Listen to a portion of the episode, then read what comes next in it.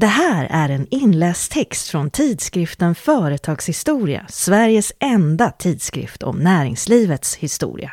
Texten finns även online på bistories.se. Borlänges eget Eiffeltorn. De flesta byggnader från de stora världsutställningarnas tid revs när själva utställningen var över. Det finns dock undantag.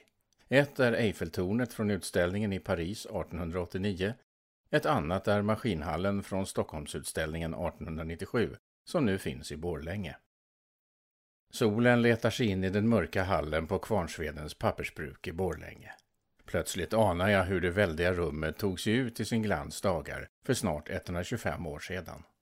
Då var det fyllt av makalösa maskiner och begeistrade besökare på Allmänna konst och industriutställningen på Djurgården i Stockholm, den mytomhöljda och soldränkta utställningssommaren 1897.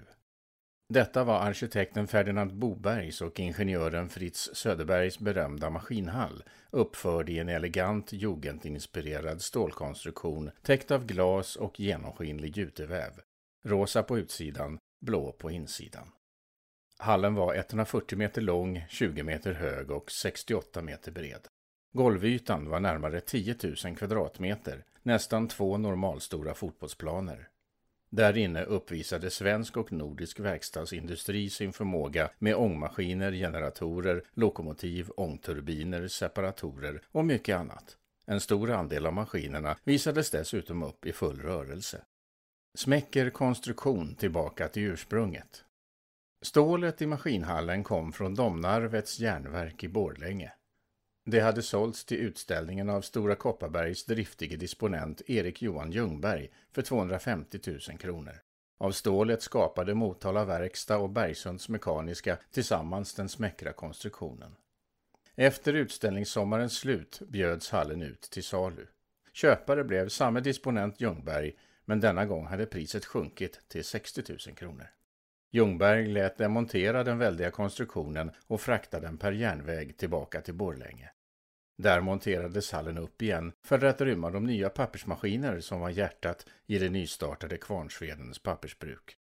Andra pappersbruk har börjat i det lilla och vuxit successivt. Kvarnsveden däremot skulle vara stort, till och med störst, redan från början. En mer passande lokal för de väldiga pappersmaskinerna än Ferdinand Bobergs maskinhall kunde knappast tänkas. En del förändringar genomfördes i samband med återuppförandet. Hallen grävdes ner några meter och delades upp i två våningar med hjälp av ett mellanbjälklag. I det nya källarplanet stod de ångmaskiner som drev pappersmaskinerna en våning upp. Vid senare tillfälle kläddes den smäckra stålstommen in i betong av brandsäkerhetsskäl. Fasaden fick murade väggar vilket gjorde industrihallen närmast oigenkännlig från utsidan. I Kvarnsveden började ett nytt liv för den gamla utställningshallen. Från invigningen år 1900 rymde den ett av Europas största och mest moderna pappersbruk. Men bruket fortsatte att växa. Nya och ännu större pappersmaskiner krävde nya lokaler och under senare decennier har maskinhallen mest använts som lagerlokal. Paris vs Borlänge de flesta byggnader från den stora utställningarnas tid revs när själva utställningen var över. Det finns dock undantag. Ett är Eiffeltornet från världsutställningen i Paris 1889. Ett annat är just maskinhallen från Stockholmsutställningen 1897. Framtiden för maskinhallen är osäker. Hur länge kommer pappersbrukets ägare, skogsindustrikoncernen Stora Enso Oy, att kunna behålla den stora och outnyttjade lokalen? Många i Borlänge är stolta över hallen, men de flesta känner inte ens till dess existens. En som har visioner för framtiden är dock före detta stadsarkitekten i Borlänge, Arne Ludvigsson. Han ser maskinhallen som en fantastisk outnyttjad resurs för rätt ändamål. Ett exempel. Med rätt intressenter och rätt finansiering kunde den förvandlas till ett gigantiskt växthus. På en gång ett besöksmål och ett centrum för ekologisk odling. Endast fantasin sätter gränserna.